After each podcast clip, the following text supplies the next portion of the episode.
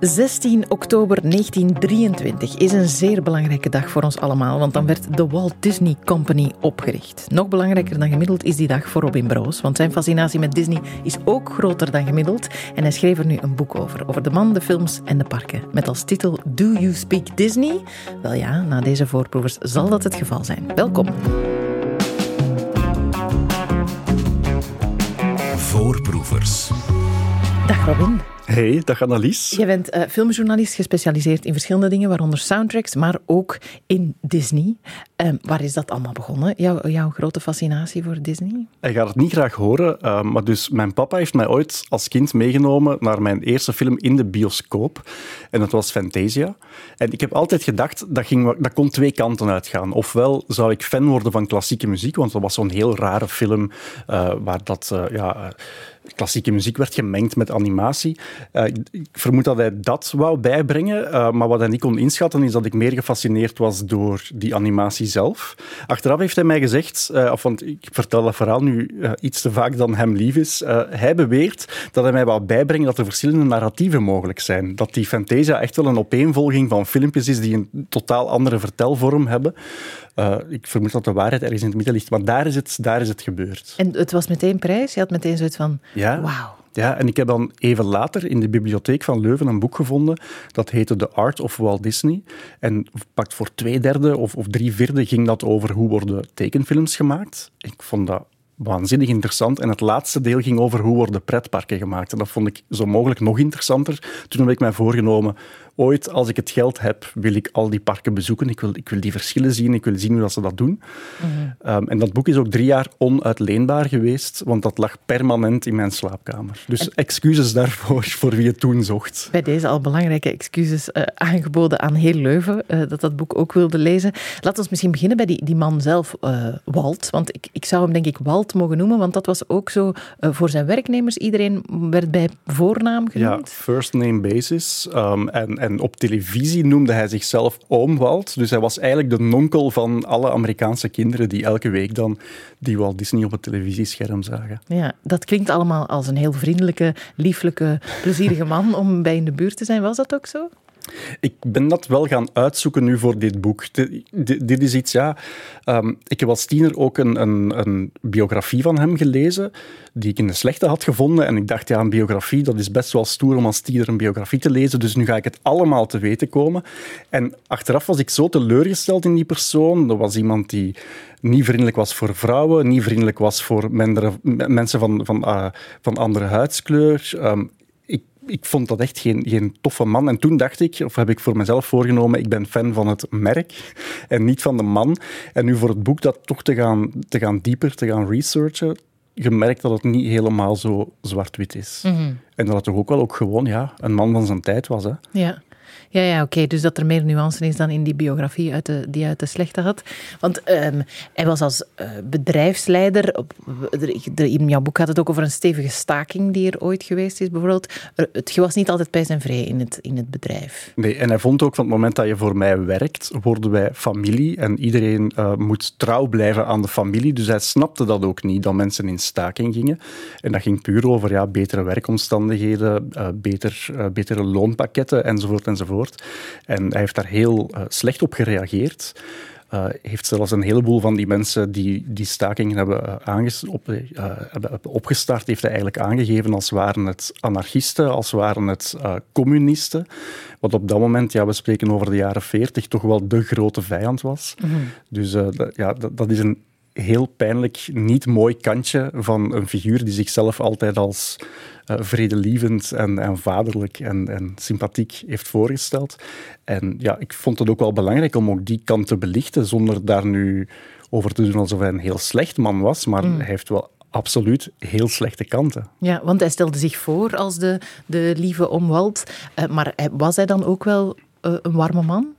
Ik denk, als ik zo de, de, de verhalen lees, die dan bijvoorbeeld zijn, zijn, kinderen achteraf over hem vertelden, dat hij wel echt een, een gezinsman was. Hij, hij, maakte er ook een erezaak van om, om één dag in het weekend echt volledig met zijn dochters uh, door te brengen. Papadag. En de papadag, ja. Zaterdag was papadag en dan gingen ze naar uh, de, de lokale draaimolen in, in Griffith Park in Los Angeles. En, en, daar moet hij het idee gehad hebben van, ik vind dat een beetje lullig, ik zit hier op een bank, terwijl mijn dochters zich aan het amuseren zijn op de carousel en ik zit hier niks te doen. En zo moet het idee ontstaan zijn voor bijvoorbeeld die, die Disneyland.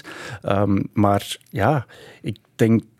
Wat ik bijvoorbeeld heel uh, belangrijk vond, was uit te zoeken, ja, maar had hij het nu bijvoorbeeld niet voor mensen van een ander ras? Want je zou bijvoorbeeld aan de hand van films kunnen zeggen, er zijn wel echt racistische dingen gemaakt. Een beetje zoals je ook zou kunnen zeggen dat Hergé het ook niet altijd uh, fijn voor had met, uh, ik zeg maar iets, Afrikaanse medemensen. Um, ik denk dat dat een teken van de tijd was. Aan de andere kant, als ik nu verhalen of interviews lees, bijvoorbeeld een, Louis Armstrong, toch wel een uh, belangrijke zwarte jazzmuzikant, die spreekt heel warm en liefelijk over die man Walt Disney, iemand die hem blijkbaar veel kansen heeft gegeven. Daar zijn ook een aantal dingen misgelopen. Maar goed, dat zijn, dat zijn accidents parcours. Mm -hmm. Maar voor de rest denk, denk ik dat het misschien toch niet zo zo uitgesproken slecht was. Nee, nee, ja, oké. Dus de nuance die heb je wel gevonden uh, door het zoeken uh, in die biografie meer. Uh, wat ook wel geweten was van Walt Disney, is dat hij een ongelofelijke workaholic was. Klopte dat in jouw zoektocht? Ja, um, die, die, hij sliep eigenlijk op zijn kantoor in de studio en op een bepaald moment, ja, ook mede door die staking en door allerlei andere toestanden in die periode, heeft hij wat de interesse verloren in het maken van films, tekenfilms, eigenlijk alles wat met film te maken had. Dan is hij die parken gaan doen.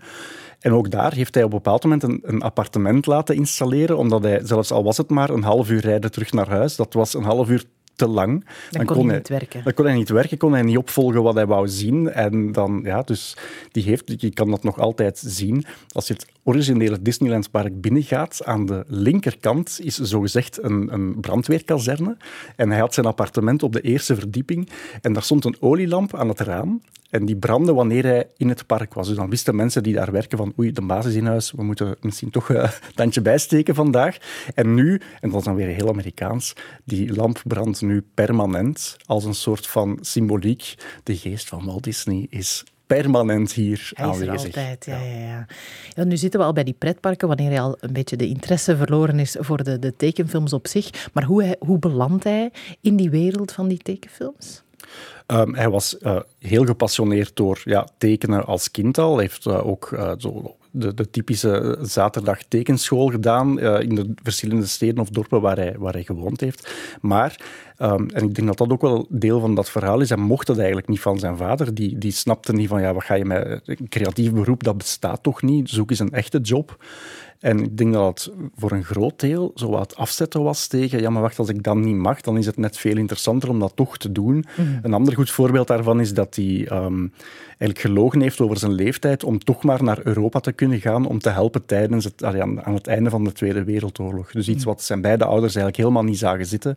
Maar ja, plots zat hij dan in Frankrijk, waar hij dan tekende op zeildoeken van het Rode Kruis of op postkaartjes die mensen naar hun vriendin aan het thuisfront stuurden. Mm. En dan is dat ja, eigenlijk zijn eigen leven gaan leiden. Ja, ja. De, de, eerste cartoons kwamen op en dan is hij gaan experimenteren met zelf tekenfilmpjes te maken. En, met heel veel vallen en opstaan, want heel veel van die uh, eerste bedrijfjes die hij gehad heeft, die zijn ja, heel zwaar op de fles gegaan.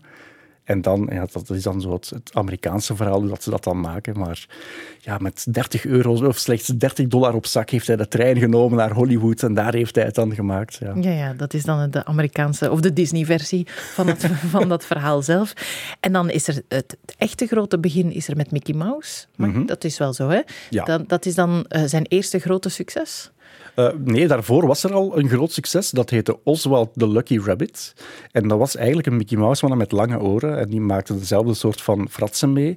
Um, dat was wel nog een cartoonreeks zonder geluid. Uh, dat was nog niet uitgevonden, die uh, synchronisatie van geluid. Dus dat, als er al geluid was, was dat een pianist in de, in de bioscoop, zoals dat met stomme films ging. En uh, die filmpjes werden verdeeld door Universal Studios. Dat is nog altijd een, een, heel grote, belangrijke speler. En Walt had uh, heel weinig kaas gegeten van uh, deals, van zakelijke deals. Dus in zijn contract stond dat eigenlijk met die, met die licentierechten um, aan Universal te geven, dat hij ook alle rechten van zijn eigen figuurtje. Ja, ja. Ja, van Oswald was niet meer van, van eh, Walt. Ja, en op een bepaald moment zegt Universal, ja, het is voor ons veel commercieel eh, of financieel interessanter van ze gewoon zelf te maken. Dus plots had Disney zijn figuurtje niet meer en geen werk meer. En op dat moment, ja, eigenlijk gewoon, we, we gommen de oren uit en we maken er een muis van. En eigenlijk heeft hij exact hetzelfde opnieuw gedaan, maar met een andere naam, ander figuurtje. En ook wel in combinatie dan met die, met die eerste geluidsfilms. Want het eerste filmpje van Mickey Mouse, waar we dan naar refereren, in 1928, wanneer dat uitgekomen is, Steamboat Willie, is ook de eerste tekenfilm met synchroon geluid. Mhm. Dus met een stemmetje ook. Ja, Ja, dat hij zelf deed. dat hij zelf deed. Dat, Ja. dat is heel grappig. Ja, want hij is, eh, in 1959 was hij in de Tonight Show eh, in Amerika eh, te gast. En eh, toen ging het daar ook over dat hij vroeger dat stemmetje deed. In those early days, Walt Disney himself was the voice of Mickey Mouse. Now he's a tycoon at the center of a vast business empire. Mr. Disney, can you still make a noise like Mickey Mouse? Well, yes, uh huh. But uh, of course, I don't make many Mickey uh, Mickey Mice films. Can you make that noise for us now? well, uh, Mickey used to talk something like this, you know, kind of a falsetto. Of course, he's an old mouse now, and the falsetto getting a little old. You know. Het is niet het beste stemmetje dat ik ooit gehoord heb, maar er- het is wel goed. En hij zegt het zelf op dit moment al. eh, toen was hij al helemaal niet meer bezig met Mickey Mouse eh, films, zoals hij het zelf zegt. Ehm, want hij was vrij snel al eh, ja, een beetje de, de enthousiasme kwijt voor die tekenfilms. En vooral, hij heeft eigenlijk ook niet zo heel veel meegemaakt. Want er zijn maar een handvol films waar wat hij heeft meegemaakt. En één park, want hij is vroeg gestorven ook. Hè? Ja, aan longkanker. Ook op een moment, ja... eh, dat roken zo schadelijk was voor de gezondheid, dat is lang niet geweten geweest. En wanneer het dan wel geweten was, dan werd het zo wat toegedekt. En dat heeft hij zelf ook gedaan. Hij heeft eigenlijk nooit tegen nog familie, nog studiomensen gezegd dat hij zwaar ziek was. En op een bepaald moment wordt hij opgenomen voor die longkanker. En hij is daar ingebleven. Dus ja, eh, hij, was geen, hij was geen 65 jaar. Dus dat is... Ja, Eigenlijk had hij nog heel veel kunnen doen. Hij heeft inderdaad één Disneyland meegemaakt. Vandaag zijn er Disneyparken op zes plekken in de wereld. Ehm, dat heeft hij dus eigenlijk allemaal nooit geweten. Nee, nee. Maar de innovaties eh, waren wel voor een groot stuk van zijn hand. Natuurlijk, daarna is er nog heel veel eh, jaren van Disney. Ehm, maar laat ons misschien een paar van die innovaties eh, eens bespreken. Want eh, bijvoorbeeld de zevenjaarregel. Ja. Dat is een heel belangrijke regel waar ik nog nooit van gehoord had. Maar het verklaart wel waarom generatie na generatie van kinderen al die films van Disney bekijkt. Want wat is die zevenjaarregel? Ja, dat had hij wel heel goed gezien. Als je een tekenfilm maakt, en, en zeker toen, want vandaag kunnen wij die films oproepen via allerlei digitale kanalen. Ehm, maar dus lang daarvoor, en zeker ook lang voor het bestaan van een VHS-videocassette, ik zeg maar iets. Om een film opnieuw te zien, of om een film voor het eerst te zien, moest die in de bioscoop getoond worden. Dus had Disney het idee opgevat, als ik elke tekenfilm die ik maak om de zeven jaar opnieuw uitbreng, dan is er weer een nieuwe generatie kinderen die die films nooit gezien hebben, die net de leeftijd hebben om die film nu te gaan bekijken. En het kost mij basically niks. Je moet gewoon zien dat er terug kopieën zijn die naar de bioscopen gaan en we gaan gewoon geld verdienen op basis van iets wat we toch hebben liggen.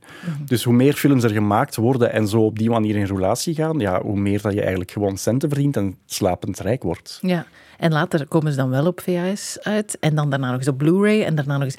En dan blijf je eigenlijk die zevenjaarregel blijft zich wat herhalen nog. Ja, ze hebben die eigenlijk altijd blijven hanteren. Vandaar dat er ook, als er een nieuwe videocassette uitkwam, dan werd, die werd er gezegd dat dit is voor een gelimiteerde tijd.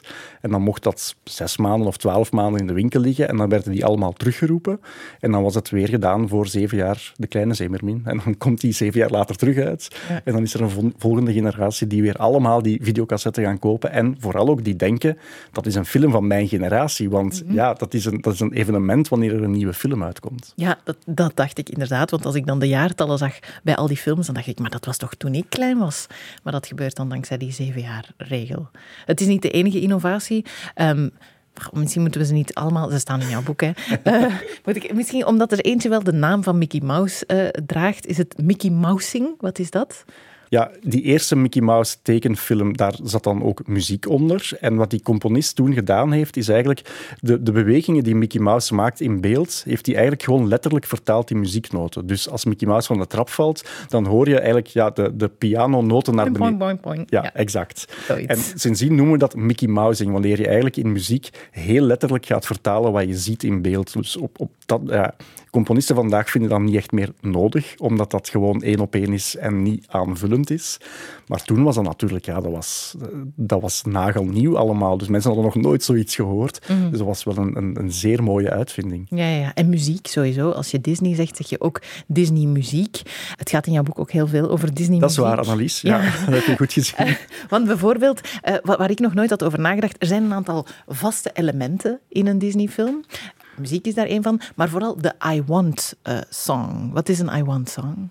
Een I Want Song is een moment in de film, liefst al aan het begin, waar eh, de hoofdrolspeler, dus als dat over een prinsessenfilm gaat, is dat de prinses, waarin dat zij zingt wat ze wil. Bijvoorbeeld in De Kleine Zeemermin heb je, dat is eh, letterlijk, dat is mijn wens. Ze zingt wat ze wilt. En ze zingt niet, ik wil prins Erik ontmoeten en daarmee trouwen. Nee, ze zingt, ik wil mens worden. En net door dat moment even ja, eigenlijk als, als rustpunt neer te leggen, door haar dat te laten bezingen, geef je eigenlijk aan van dit is onomwrikbaar, dit, dit moet gebeuren. Ja, ja, dit is wat, er, eh, wat de grote wens is van deze, dit hoofdpersonage en wat er gaat gebeuren. In het Engels klinkt dat in eh, De Kleine Zeemermin dan zo. I want to be where the people are. I want to see, want to see 'em dancing, walking around on those, what do you call 'em? Oh, feet. En dat is natuurlijk dan een song van een aantal minuten waarin alles duidelijk gezegd wordt. En als je er begint op te letten, in elke Disney-film zit er wel zo'n ik wil iets nummer. Ja, in elke goede Disney-film. Ja, dat is wel een belangrijke nuance. Ze zijn ook op een bepaald moment echt de pedalen kwijtgeraakt.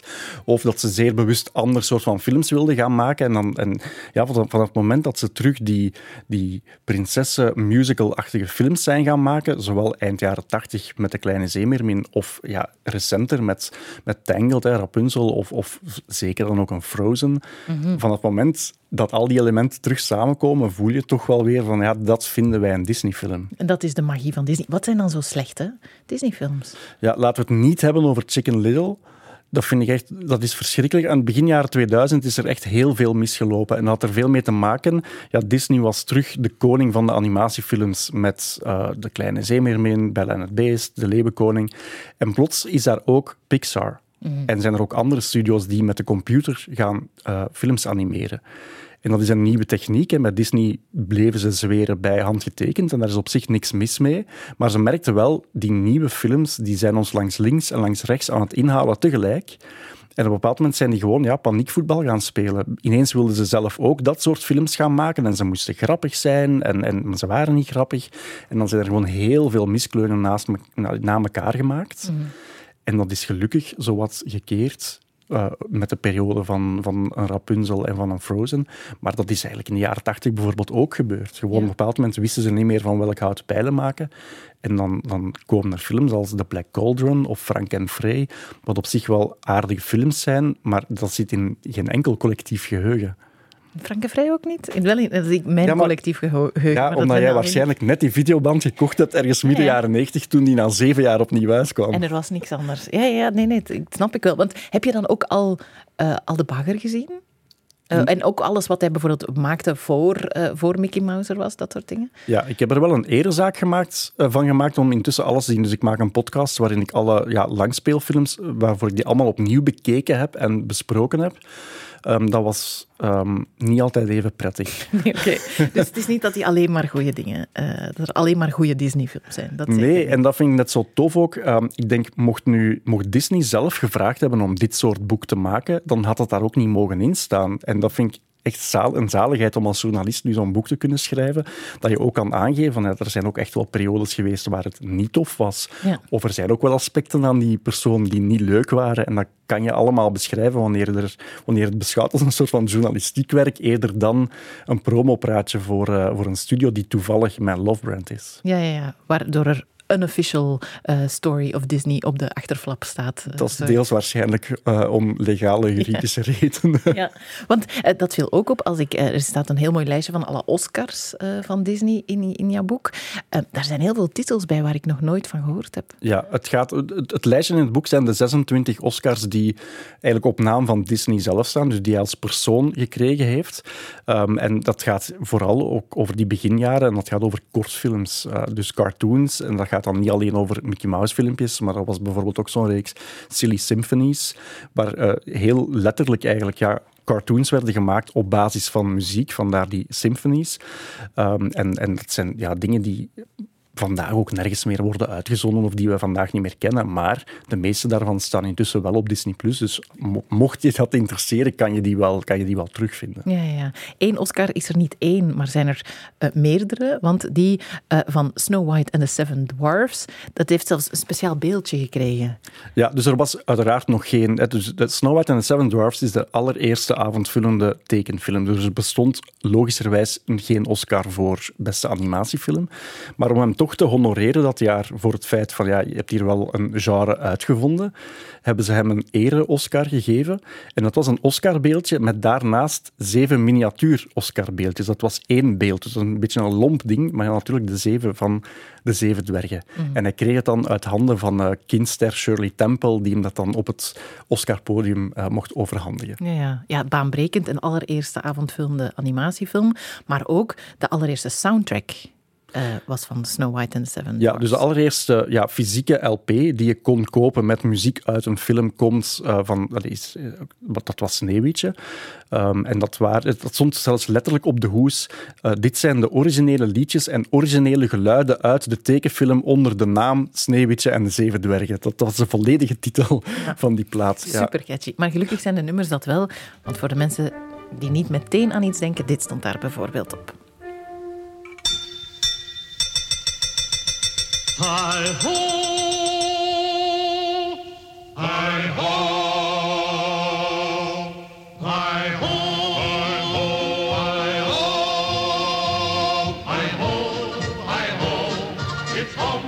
Fantastisch, hè? dat zit nu al in je hoofd. En het gaat niet het laatste zijn dat in je hoofd gaat blijven plakken uh, nadat je dit gehoord hebt. Want er is nog wel catchy muziek. Hè? De meest succesvolle nummers ooit van Disney. Dat is ook wel een verrassend lijstje. Uh, want dan komen we heel recent. Dan komen we bij We Don't Talk About uh, Bruno uit Encanto. Um, dat is niet meteen zo'n catchy nummer, vind ik eigenlijk zelf. Mag ik dat zeggen? Dat is ook zo. Um, ik was ook verrast. Ik dacht persoonlijk, als ik ga zoeken naar het lijstje van meest succesvolle nummers, dan gaat dat sowieso Let It Go zijn uit Frozen. En toch is dat niet zo. Uh, We Don't Talk About Bruno heeft bijvoorbeeld op één gestaan in de Billboard uh, Hot 100, dat is de officiële Amerikaanse hitlijst. Uh, terwijl Let It Go ergens veel, veel lager, of vijf of zes, ik weet het nu niet meer van buiten. Um, dat, is ook een totaal onverwacht succes geweest. In die zin, uh, de film zelf is in de bioscoop uitgekomen, maar heeft het daar heel slecht gedaan. Waarschijnlijk omdat mensen intussen gewoon zijn dat films heel snel meteen ook op Disney Plus komen en dan denken, ja als ik met mijn gezin naar de bioscoop moet, ben ik 35 euro kwijt. Wanneer ik uh, Disney Plus heb, dan kost het mij niks extra. Dus mensen wachten. Mm -hmm. um, maar dan komt die film op Disney Plus. En plots zijn er ontzettend veel mensen die een dansje of een variatie hebben gemaakt op dat ene nummer en die hebben dat gezet op TikTok. op het mhm. moment dat je een hit hebt op TikTok, heb je ook een hit in de echte wereld. Namelijk, sta je in de hitlijst, kent iedereen dat nummer. En ja, het, het beetje uh, stomme voor Disney was dat zij op dat moment al hun ja, hun kanshebbers voor de Oscars hadden ingestuurd. Dus je moet dan eigenlijk zelf aangeven, wij denken dat dit of dat uh, zou moeten uh, ja, uh, in, in, in, aanmerking komen voor die Oscar voor beste song.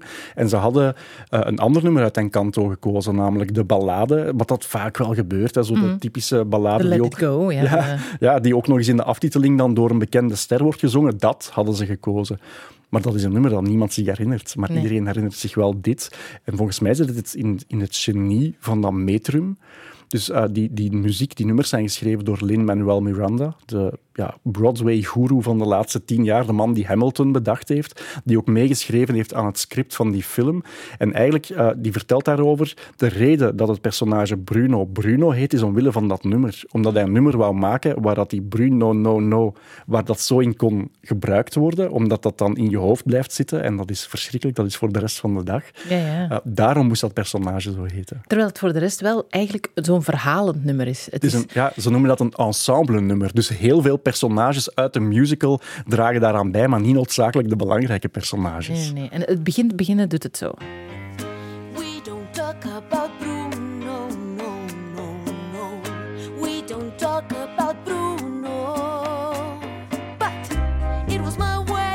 En dan begint het verhaal over die wedding day en dan, dan ben je vier minuten verder en dan heb je het Mhm. hele verhaal gehad. Uh, maar dus een, uh, de grote nummer één hit. Natuurlijk is het anders vergelijken. Uh, iets uit Sneeuwwitje stond niet op Spotify of toch niet toen, toen het impact had. Dat is natuurlijk wel moeilijk om te vergelijken ook. Ja, dat is zo. Dat is zo. Dus ik heb mij ook wel bewust bij de lijstjes gehouden aan dingen die wel te vergelijken zijn. Ik heb bijvoorbeeld een lijstje gemaakt van de tien meest gezochte platen. En dat is op basis van Discogs. Dat is een online platform, een soort van marktplaats.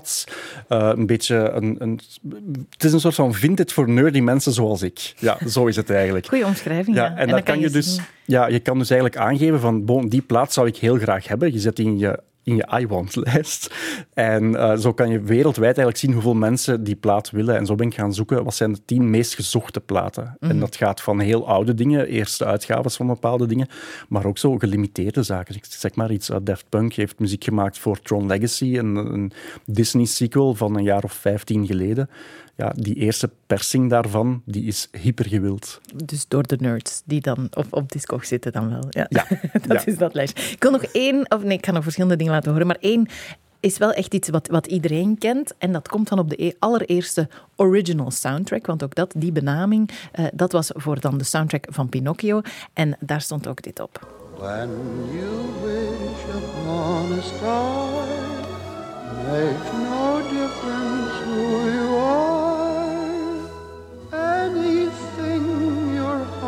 desires will come. In deze versie uh, zullen mensen zeker wel al eens gehoord hebben, maar is dan niet het allerberoemdste wat ze ooit gehoord hebben. Maar als je dan eender welke Disney-film ooit opzet, dan gebeurt er dit.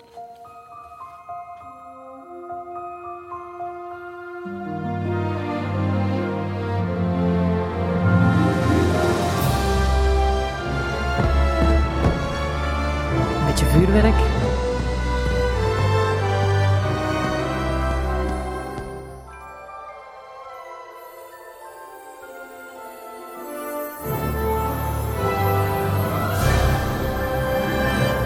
When You Wish Upon a Star. Dat is toch misschien wel het meest gehoorde Disney-nummer aller tijden, of ja, niet? Ik denk het wel. Het is, het is echt een anthem geworden. Uh, ze zijn het vanaf de jaren 50 beginnen gebruiken als intro van de Disney-tv-programma's. En sinds de jaren 80, althans de eerste zeven noten uit, dat, uh, uit die melodie, die werden dan gebruikt in dat, zo, dat, dat heel blauwe logo aan het begin van de VHS-cassettes. Zo, je had dan zo dat witte kasteel, zo heel 2D. Mm-hmm. Uh, en dan, en dan kwam er zo een, een soort van sterrenregen rond het kasteel en dan hoorde je die zeven noten. En nu is dat een, ja, een heel groot logo in CGI gemaakt. Ziet er fantastisch uit. En dat is een orkestrale versie van, van dat nummer. Ja, en als je op cruise gaat met Disney, dan begint die op deze manier.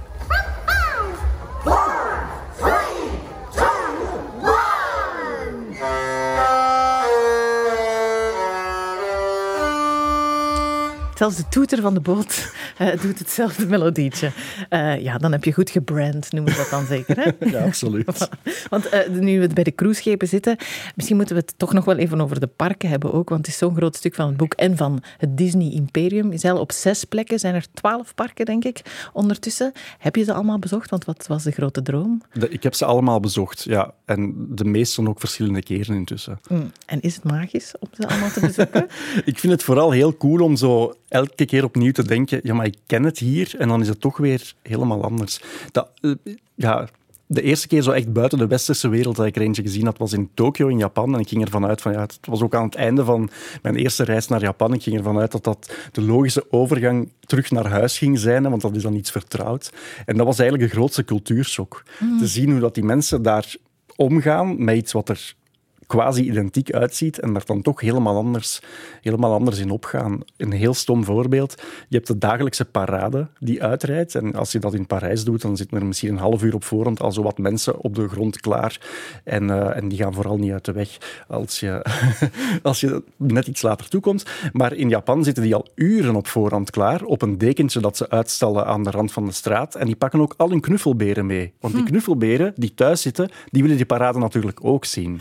Dat, is de meest rare cultuurshock om zo'n dingen van op eerste rij mee te maken. Ja, ja, omdat je het op zich goed kent en toch is het helemaal, helemaal anders. Want op, uh, Walt Disney zelf, met het opzet van die allereerste Disneyland, dat was eigenlijk wat wij Ehm, zoals de setbezoeken bij Universal Studios er waren, ja. wou hij de grootste film waar je in kon meespelen, waar je kon inlopen, dat is het hè, dat hij wilde ja, creëren? klopt. Het idee is, ja, behalve dan het feit dat hij met zijn dochters op zaterdag iets leuker wou kunnen doen, was het idee ook, er kwamen heel veel brieven toe op de, aan die Walt Disney Studios met de vraag, maar Mickey Mouse, waar woont hij eigenlijk? Of wat doet hij overdag? En um, ja, andere studios, filmstudios waar effectief live-action films worden gemaakt, die hebben een backlot waar al die decors staan en die begonnen hun poorten te openen voor toeristen. En dan moest je veel geld betalen, maar dan kon je wel eens door het decor van, ik zeg maar iets, in Casablanca lopen. En Disney dacht, ja, dat is een beetje lullig. Als ik mijn poorten hier open doe, dat is, een beetje, dat is saai. Dat is echt mhm. saai. Je ziet gewoon mensen die aan het tekenen zijn en that's it.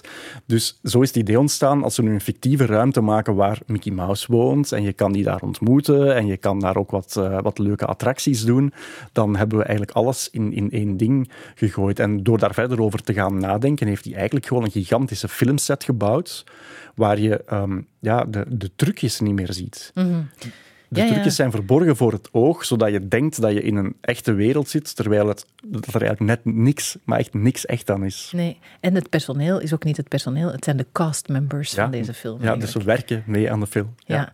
Uh, ik heb hier nog een hele lijst van allemaal dingen die ik graag met jou wilde bespreken en wilde uh, vertellen, omdat er zoveel interessants in jouw boek staat. Uh, maar dat gaat niet meer lukken, dus er zal dan toch niets anders op zitten dan dat mensen um, jouw boek moeten kopen. Do You Speak Disney? Misschien moeten we toch nog één oorworm erdoor jagen. De de allerergste. Je gaat hier geen vrienden mee maken, nee, Annelies. En toch ga ik het doen met deze.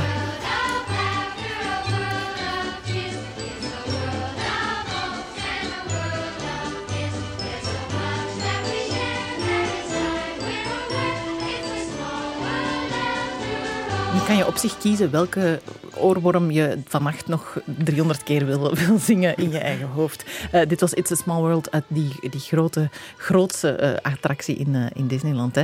Het staat allemaal in jouw boek Do You Speak Disney. Robin Broos, ik wil je ongelooflijk danken om hier te zijn en vooral je kennis. Met heel veel plezier. Dank je wel. En natuurlijk zijn er nog veel meer afleveringen van Voorproevers en die kan je allemaal vinden op VRT Max.